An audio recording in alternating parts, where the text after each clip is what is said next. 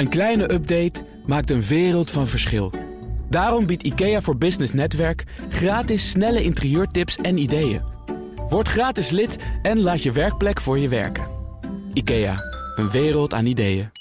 Wanneer gaat e-health de belofte van een efficiëntere zorg echt inlossen? En ophef in Duitsland, want Alibaba heeft daar een techbedrijf op de kop getikt. Dat en meer bespreken we in het ondernemerspanel met daarin deze week Hans Mulder van de VIA Groep, Floris Venneman, managing partner van Bureau 50+.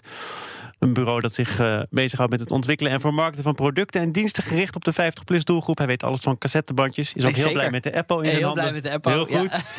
en uh, mijn zakenpartner is Josje Damsma van Crossover. Welkom allen. Ja, dankjewel. Goedemiddag. Beginnen met uh, jullie eigen nieuws, Floris. Waar wil jij aandacht voor vragen? Ja, naast dat ik me natuurlijk helemaal vol op die 50-plus-markt stort... Uh, heb ik ook nog een beetje een meubelhart, uh, zoals jullie wellicht weten. Dus ik was bijzonder blij met het bericht van Vlinders deze week. Dat inmiddels alweer gegroeid is naar 20 miljoen omzet. Dus weer 30% in de plus. en ik, ja, ik vind het zo gaaf om te zien wat Geert-Jan Smits met zijn team aan het doen is. Dat is wat doet Vlinders? Want dat richt zich vooral op online, toch? ja, Vlinders heeft een, een online webshop voor designmeubels... voor van allerlei grote merken, ook wat kleinere merken. En daarnaast hebben ze een café. Ze hebben wat te doen wat in de projectenbusiness. Maar, ze doen wat in de projectenbusiness? Ja, nou, nee, ja, nee, nee goed, ze hebben ook projectentak. weet je, god, jongens, ik krijg, word ik gelijk op mijn woorden gepakt hier. Uh, nee, maar dus ze hebben ook een projectenafdeling. Dus ze doen ook inrichting van kantoren en dat soort dingen allemaal. Om en RTL even... zit erin, hè? En RTL zit erin. Een uh, hele slimme uh, stap is dat ook van, van de heren. Want ik denk dat ze daardoor ook wel een flinke boost gemaakt hebben afgelopen jaar. Maar dus ik, ik vind het mooi om te zien dat in die toch erg traditionele wereld zo'n partij zulke stappen aan het zetten is. Goed, over een traditionele wereld uh, gesproken. Hans, ook Ja. de Belastingdienst uh, heeft een succesje te vieren. Ja, het ging bijna viral op uh, LinkedIn. Ik zag het voorbij komen. Je kunt nu binnen een dag een baan krijgen. En het is alles heeft te maken met het verleden. Ze hebben in het verleden een aanbod gedaan aan een aantal medewerkers. En daar hebben zo'n 5000 mensen gebruik van gemaakt. Iets meer dan gedacht. Iets meer dan gedacht. Maar ze gaan dat in de revanche. Ze gaan dus voor eind van het, dit jaar 4200 nieuwe collega's werven. En dat doen ze op een hele flitsende manier. Je kunt er binnen twee weken een oproep verwachten. En binnen een dag weet je of je aan het werk kan. En dat vond ik toch wel weer een, een mooie dat manier om de bureaucratie te overwinnen. En dat ging viral omdat eigenlijk heel veel andere organisaties van zeiden van ja, waarom wachten we nou eigenlijk zo lang op al die selectieprocedures? Waarom moet het dan maanden duren? Hè? Nou, omdat je zeker wil weten of zeker denkt te moeten kunnen weten wie je in huis haalt. Tuurlijk, maar je kan ook heel goed voorbereiden. Dat blijkt dan in ieder geval uit dit voorbeeld. Hè? Dat je het goede selectieprocedure neemt en dan ook die dag zodanig inricht dat je ook na een dag weet, hebben we de juiste te pakken. Maar uh, hoe zit dat met, uh, want ik weet, ik bedoel, de Belastingdienst, uh, verklaring omtrent gedrag. En VOG, dat soort, ja. ja. Daar loopt het op stuk, Hans. Als we toch nog kritisch moeten zijn. Nee, maar dat, Ja, daar, maar daar, dat- daar, volgens mij moet zit daar, zeker worden. bij de Belastingdienst. Kijk, als wij iemand aannemen, we maken een foutje. Dan is dat ondernemers. Nou ja, dan maakt het mij ook wel uit, maar dan is het ondernemersrisico. Ik vind bij een, een, een vrij kritieke dienst Ja. als de Belastingdienst, vind ik het wel relaxed dat ik zeker weet dat er een beetje betrouwbare mensen in dienst Dat was ook eh, een opmerking. De VOG is ook een bottleneck in deze. Ja, dat klopt. Dus dat moet dan Dus wel. daar moet je dan even op wachten. Dus dan, als dat dan ja. Wordt, dan ben je binnen. Ja, en dat is zeg maar het, eh, dan wel die termijn dan die. Het, maar voorheen was het de 6,5 maand. En dat is nu dus verkort. Heb je die VOG tegen je, als het ware, dan is het zes weken. Dus ik vind Zes dat, en een half maand? het voorheen. Voorheen duurde het 6,5 maand voordat je dus in dienst kon treden. Ja. En nu zitten we dus. Maar ook- heel erg lang, toch? Of zie ik dat verkeerd? Ja, ik vind dat wel erg lang, ja. ja. En, en dat je zegt het scoort op eh, LinkedIn, dat geeft aan dat veel werkgevers dit met buitengewone interesse Ja, volgen. ze vragen zich af, als dat dus mogelijk is, als het, waarom doen wij het dan zo lang over? En dat vind ik toch wel een gezonde reactie. Dus de Belastingdienst wordt ineens een inspiratiebron. Een inspiratiebron. Wie had absoluut. dat gedacht? Er was zelfs had een dat motto, dat was, daar bij, ehm, dat is snel, het lijkt de Belastingdienst wel. Ja, mooi Wij nieuws. gaan eh, nog naar het nieuws van Josje over nieuws dat eh, wat langer nodig heeft. Tenminste, als ik goed ben eh, ingelicht, gaat het eh, jou om de betrokkenheid van het gemeentelijke vervoersbedrijf in Amsterdam. Ja, ik dacht, eh, hè, mijn, eh, mijn achtergrond als historicus, ook wel goed om even weer historisch nieuws eh, voor de zakelijke luisteraar te brengen. Dus, dus inderdaad, wat mij deze week opviel, was dat nou, de, de NS heeft al een groot onderzoek gedaan naar de, de betrokkenheid in de oorlog bij het vervoeren van Joden naar de eh, deportatiekampen. En ze hebben daar inderdaad ook, ze hebben er ook heel veel geld aan verdiend in de oorlog. Uit onderzoek blijkt dat ze 2,5 miljoen aan verdiend hebben.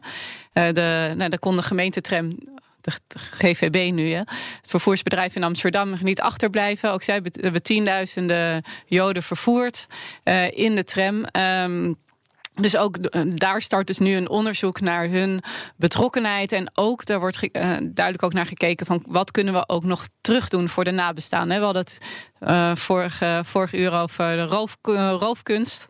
He, van in hoeverre kun je dus de, de nabestaanden iets weer van genoegdoening geven van hun kunst. Nou, nu kijken ze ook inderdaad van wat kunnen we dan doen. De NS heeft al excuses aangeboden in 2005. Dat, dat heeft het GVB nog niet gedaan. Maar ze zijn dus, hebben nu al gezegd en we gaan het serieus bekijken en ook kijken wat we dan kunnen doen. Dus ik denk dat is een. Ja. Vind ik op zich bedoeld, het is een niet goed nieuws als in het is een, een treurig onderwerp. Maar ik denk dat het wel goed is. Hè, beter laat dan nooit dat ze dit gaan doen. Zeker. Wij gaan naar iets dat uh, misschien ook wel een kwestie is van uh, beter laat dan nooit, namelijk e-health. Want dat zou de medische sector beter en goedkoper kunnen maken, maar het blijft maar wachten op een doorbraak. Daar heeft het FD ook een artikel aan gewijd de afgelopen dagen. Onder andere omdat er een e-health monitor wordt bijgehouden en daaruit blijkt dat er veel mooie pogingen zijn, maar dat er tot nu toe weinig van terecht komt. Floris, ja. wat is wat jou betreft de belangrijkste verklaring? Uh, nou, ik denk dat een van de belangrijke verklaringen is dat het zo speciaal en zo uh, innovatief gemaakt wordt. Um, te nieuw eigenlijk. Het, het, wordt te nieuw gemaakt. En zeker als het om gezondheidszorg gaat, uh, en dat zien wij ook wel uit onderzoek, met name natuurlijk bij de 50-plus doelgroep, uh, dat uh, innovatie soms ook wel een beetje dingen oproept van, hmm, ik weet het niet. Het is nieuw, het is spannend, het is nog niet bewezen. Terwijl ik denk, als we er gewoon niet zo spastisch over doen. En niet zo zijn te conservatief, maken, te behoudend. Nou, ik weet niet of het conservatief en behoudend is, maar het is wel iets waarvan we zien dat het gewoon, weet je, nieuwe technologie. Kijk, als het gebracht wordt door de arts met, joh, wij doen deze meting op deze manier, dus wij laten u zelf een deel van de meting doen. Dat is makkelijk, ook voor u. het om, hè? Thuiszorg, daar goedkoper kunnen maken. Ja, precies. Um, en dan denk ik van, volgens mij moeten we het meer brengen als het is gewoon normaal dat wij dat op deze manier hier doen. En ik zie nog te veel dat het ook in communicatie vaak als iets speciaals, als iets bijzonders, wij als ziekenhuis gaan overstappen op thuis meten. Dat, oh, spannend. Nou, dan begint gelijk alle alert. Dus ik denk dat we met elkaar moeten constateren, het moet normaler worden. Maar mensen moeten ook duidelijker het voordeel zien. Ik zat ook even na te denken van, ja, technologie is natuurlijk op zich gewoon, als je dat dingen ermee kan verbeteren, is dat goed. Maar wat verbeter je er precies mee? En dat vind ik in die hele e-health discussie, zie je eigenlijk twee, twee verschillende voordelen een beetje door elkaar heen lopen. Want aan de ene kant wordt gezegd, het tekort aan personeel, dat gaan we ermee oplossen. Want nou, je kijkt in technologie, wat kan technologie doen voor werknemers? Nou, het kan uh, zeggen als het doel dangerous of dirty werk. Kunnen ze dan, uh, als ze dat kan oplossen, dan is technologie goed. Nou, ik denk dat het ook heel veel die repetitieve taken kan het dat, dat saaie werk kan het uh, deels wegnemen. Dus je hebt, je hebt daar een voordeel. Maar aan de andere kant, naast die, dat is meer vanuit het ziekenhuis of vanuit de werk, uh, werknemer, zit je vanuit de patiënt. In hoeverre is het voor de patiënt eigenlijk veel fijner. Want daarin kan ik me inderdaad ook voorstellen dat er heel veel voordelen zijn. Ik zie het heel dichtbij. Ja. Mijn vriendin die moet haar bloedwaarde uh, doorgeven. Nou, die heeft een apparaatje thuis, die doet dat even. Als ze voor al die controles elke keer naar het ziekenhuis zou moeten of naar een meetpost. Alleen dat al. De hoeveel mensen daar dan bij betrokken. Niet alleen haar tijd, maar de tijd van iemand. Nou, weet je, dus, hm. nee, en, en, ook dus- gewoon sowieso gewoon van ook een hele kleine. Het hoeft nog ineens een soort van enorme uh, innovatie te zijn. Maar ik denk ook soms bijvoorbeeld met de, met de huisarts. Dan moet je inderdaad met een uh, ziek kind moet je helemaal zo naar de huisarts gaan om iets te checken. Terwijl ik soms denk ik, alleen een fotootje sturen die hij even bekijkt en even appen, zou wat mij betreft voldoende zijn. Scheelt volgens mij ons allebei tijd. Dus het hoeft nog ineens volgens mij altijd een hele grote innovatie nee, maar precies, En dat Hans, is denk jij weet ook wel het een en ander van innovatie en wat er eventueel mis kan gaan op weg naar zo'n innovatie. Ja, en de doorbraak, hè, wanneer komt die? Dat was ook de titel. Hè? Wanneer komt die doorbraak? En ik denk dat dat inderdaad 2019 kan worden. Oh, het jaar van de doorbraak. Het jaar van de doorbraak. Net als 2018 en 2017. Ja, want je ziet namelijk toch hè, dat het niet alleen maar gaat over de technologie of die er is, maar is die ook toepasbaar? Is die ook betaalbaar? En ik zie nu echt voorbeelden waarbij dus twee jaar geleden het nog niet echt van toepassing kon zijn. En dat is dus ook een groot verschil met wat het eh, in het verleden was. Het idee is altijd goed geweest, maar kun je het ook groot uitrollen? Is het ook daadwerkelijk de kosten die je, die je erin stopt, is het ook waard? Maar is dat dan een financiële kwestie? Want een van de conclusies van Nivel was, er is nog te vaak een oplossing op zoek naar een probleem. Het is toch nog wildgroei, toch nog, waar zijn we nou eigenlijk mee bezig? Wat willen we hier nou precies mee? Ja, nee, maar kijk, wat je ook ziet, hè, uh, uh, Tim Cook hè, heeft aangegeven, waar gaan we als Apple investeren? In healthcare. En dat betekent dus dat als dat omgaat, worden al die producten daarop voorbereid. En dat maakt het dus veel makkelijker om dan daarop die toepassing te maken. Het heeft niet zo heel veel zin om in je eentje iets te bedenken voor een heel land of voor zelfs de wereld. Je moet het eigenlijk proberen te doen vanuit de technologie die zich aandient. En die gaat nu echt heel snel. Maar, dat is niet, alleen van, ja, niet alleen vanuit de technologie die je aandient. Want juist, nee, want juist waar we het net over hadden, van het gaat ook om dat je meer vanuit het probleem denkt. Oké, en, en vanuit de patiënt. Van hé, hey, van wat wil ik als patiënt anders? En dat je dan kijkt welke technologie in plaats van andersom. Hij moet beschikbaar zijn. Hè? Dus hij moet beschikbaar zijn, betaalbaar zijn. En eh, dat is volgens mij waar nu de, de fase echt in zit. Hè? Dat je echt merkt dat zeg maar, de, de healthcare een onderdeel gaat worden van de producten. En daarmee kun je erop doorbouwen. En is dat niet meer je grootste bottleneck? Dan krijg je de, de ruimte om de toepassingen neer te zetten. Hè? Je kunt dus op wijze van spreken nu ook constateren of iemand zijn hartslag goed is. Hè, op afstand. En ook aan ziet komen of er een hartaanval optreedt. Maar, en, en heel concreet, hè, 2019. Uh, aan het eind van 2019, wat is dan de grootste e-health innovatie die we dan zien? Wat, wat heeft het veranderd? Uh, ik denk dat die wearables uh, geaccepteerd gaan worden en worden toegepast in het, uh, dat, in het, zeg maar, in, in, het proces. Dat betekent dat het voorheen nog even losse dingen zijn. Maar als... Dus bijvoorbeeld concreet gewoon hartmeting ja, ja, ja, die je constant doet. Ja. Andere wearables? Uh, nou, dat, ik denk dat dat niet alleen maar hard uh, ja, ik denk als thuismetingen ja. en zo, dat, dat moet ook gewoon. Het moet normaal worden. hadden we het ook ja, over. Bloed, ja, jou, geloof ik. Hè? Ja. en je moet er dus zelf, volgens mij is dat jouw punt, ook echt het idee van hebben: dit helpt mij verder. Hiermee Precies. gebeurt iets wat tot voor kort niet kon. Ja. ja, ik denk dat je wel gewoon als patiënt, ik denk dat gewoon ook inderdaad in, in al die, die, uh, die innovaties, je moet wel gewoon, als de patiënt het niet gaat doen, dan heb je er uiteindelijk ook helemaal niets aan. We gaan praten over Alibaba, want het heeft met de overname van het Duitse techbedrijf Data Artisans een gevoelige snaar geraakt in Duitsland. Er wordt gevreesd dat China daarmee zijn greep op Duitse technologieën, die er toch al een klein beetje is, verder vergroot. Is die angst terecht, Hans? Nee. Nee. Oké, okay, nou dan laten we het erbij. Oh, dankjewel. Ja, ik ben het ermee eens. Ja, ja. Het slaat nergens op. Dat is heel goed zelfs. Het is heel goed dat dat bedrijf gewaardeerd wordt. Het is natuurlijk uh, altijd een bepaalde soort trots als je kan zeggen... je kan het in eigen land houden. Mijn vader is in 83 naar de beurs gegaan in Engeland... omdat in Nederland de waardering voor IT-bedrijven te, te, laag was. Is het dan slecht om naar het buitenland te gaan? Ik denk het niet. Ik denk dat het juist goed is geweest. Goed is voor de onderneming, goed is voor de, de medewerkers en voor de klanten. Um, en wat je dus ziet in dit geval is dat blijkbaar de waardering vanuit het, het buitenland voor zo'n toepassing in Duitsland uh, hoger gewaardeerd wordt dan in de eigen omgeving. Nou, dat betekent niet dat die mensen daarmee allemaal het vliegtuig stappen en naar China gaan uh, om daar te werken. Ik denk dat het juist een bewijs is dat er een goed product is neergezet. Um, dus ik denk dat dat meer zou moeten gebeuren. Dat er uh, gekeken nou ja, wordt op wereldschaal. Ja, ik ben het toch niet helemaal mee eens. Want ik denk, wat het namelijk wel laat zien... Hè, is dat uh, China en Amerika... die zetten gewoon vol in op die ja. technologie. Zij pompen er gewoon superveel geld in. En in China natuurlijk ook niet. Hè, de scheiding tussen overheid en bedrijfsleven... is ook niet uh, super strak. Mm -hmm. en, en dat doen we gewoon in Europa niet. En dat vind ik ook een beetje in die hele discussie... van de Duitse bedrijven, de Nederlandse bedrijven. Ik denk, ik zie het zelf meer gewoon als Euro Europese bedrijven. Maar ook die, die hele Europese investe investeringen in cybersecurity, in technologie, is gewoon mega klein vergeleken ja, nee, dan. Dat is denk ik wel het signaal. Dus dat vind ik wel. Ik bedoel, daarom zo van: oké, okay, het is allemaal niet erg.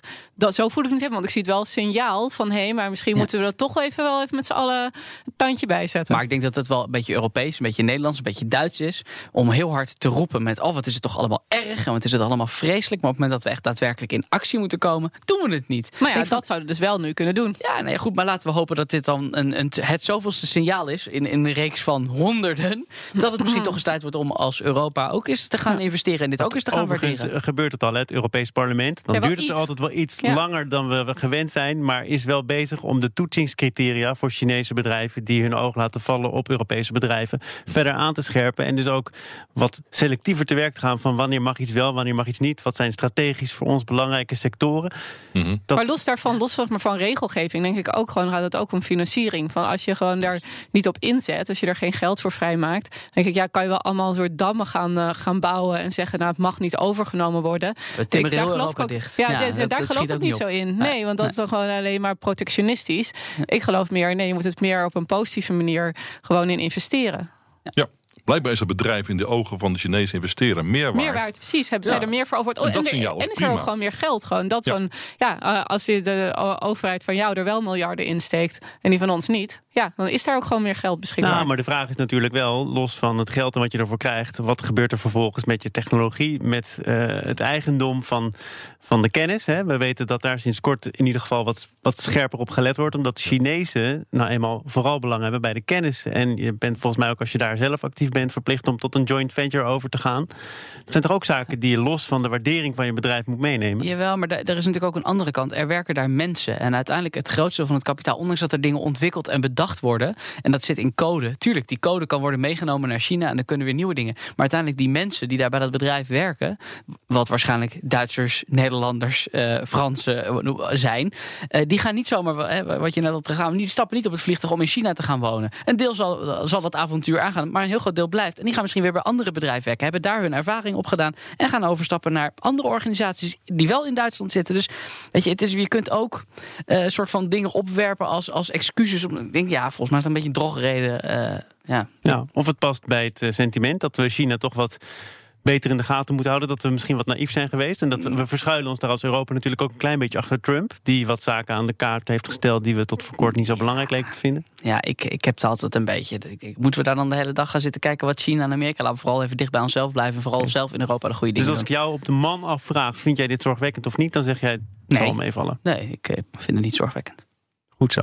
Dan uh, gaan we naar wat hier in Nederland uh, al een tijdje speelt. Ik heb zelf ook een gesprek gevoerd met de topman van ASML over Mapper. Dat is een Delftse chipmachinebouwer in zwaar weer. Er is uh, faillissement, uitstel van betaling uitgevraagd, aangevraagd in ieder geval. En geïnteresseerden kunnen tot maandag een bod uitbrengen bij de curator. En ASML, de mhm. topman, heeft in dit programma gezegd... wij willen dat die technologie voor Nederland behouden blijft. Mm ja, betekent dat dan eigenlijk niet onherroepelijk dat je zelf een hoog bod moet uitbrengen? Ja, dat is interessant. Ik heb uh, ook in het voorbespreking gekeken naar oh. Glassdoor. En Glassdoor is een website en een app waarin allerlei collega's dingen kunnen roepen over hun werkgever. En pas toen kwam hij tot, uh, tot de conclusie dat ze nog niet in staat gebleken zijn vanuit uh, het mapper om één single machine te verkopen in de wereld. Dus we praten hier over een investeringclub uh, die nog nooit een product in de markt heeft gebracht. Dat vind ik toch wel bijzonder. Hè? Dus ik wil eventjes in die context plaatsen. Dus dat gaat inderdaad dan waarschijnlijk alleen over de technologie. Het is een beetje e-health, hè? Wanneer komt de doorbraak? ja. Nou ja, ASML zelf zegt daarop dat ze eigenlijk niet zo in die technologie zitten. En dat ze een andere technologie gebruiken die ze niet concurrerend vinden. En dus dan zou de vraag moeten zijn voor ASML, als ze het echt waardevol vinden, zien zij daar een nieuwe groep klanten voor, voor die technologie die nog niet eerder verkocht is. En terwijl ze er dus ook niet genoeg vanaf weten zelf. Ja, ja, dus ik vind het wel een hele bijzondere. Dus, dus jij denkt van ze gaan het niet doen? Ik denk dat hij de technologie kan overnemen. Je kan misschien kunnen kijken of je het in je R&D kan meenemen. Maar ik zie nog niet dat na twintig jaar nog geen klanten gevonden te hebben... of het nou echt als bedrijf uh, zo interessant dus is om over te nemen. Afraden. Misschien een Activa, gewoon de Activa eh, meenemen. Maar of het compensabel verlies, dat we nog over. Ja, ja, we hadden het over het compensabel verlies. Misschien is dat nog wel interessant in de BV, dat je nog wat daarvan mee kunt. Maar voor de rest, nee, weet je, ik vind het vrij bijzonder. Ook daar weer, als, een, als je als topman van een bedrijf zegt als ASML...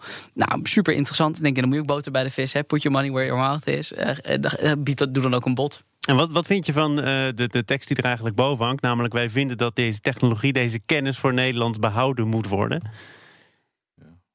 Ja, ik kom denk ik een beetje terug op het vorige nou, onderwerp. Precies, het, zit niet voor niks naast elkaar. Nee, nee, kijk, ik denk ook hier geldt volgens mij de marktwerking. Als er een partij is die zegt: Ik vind dit interessant. En of die partij dan uit Duitsland, uit China of uit Amerika komt of wherever.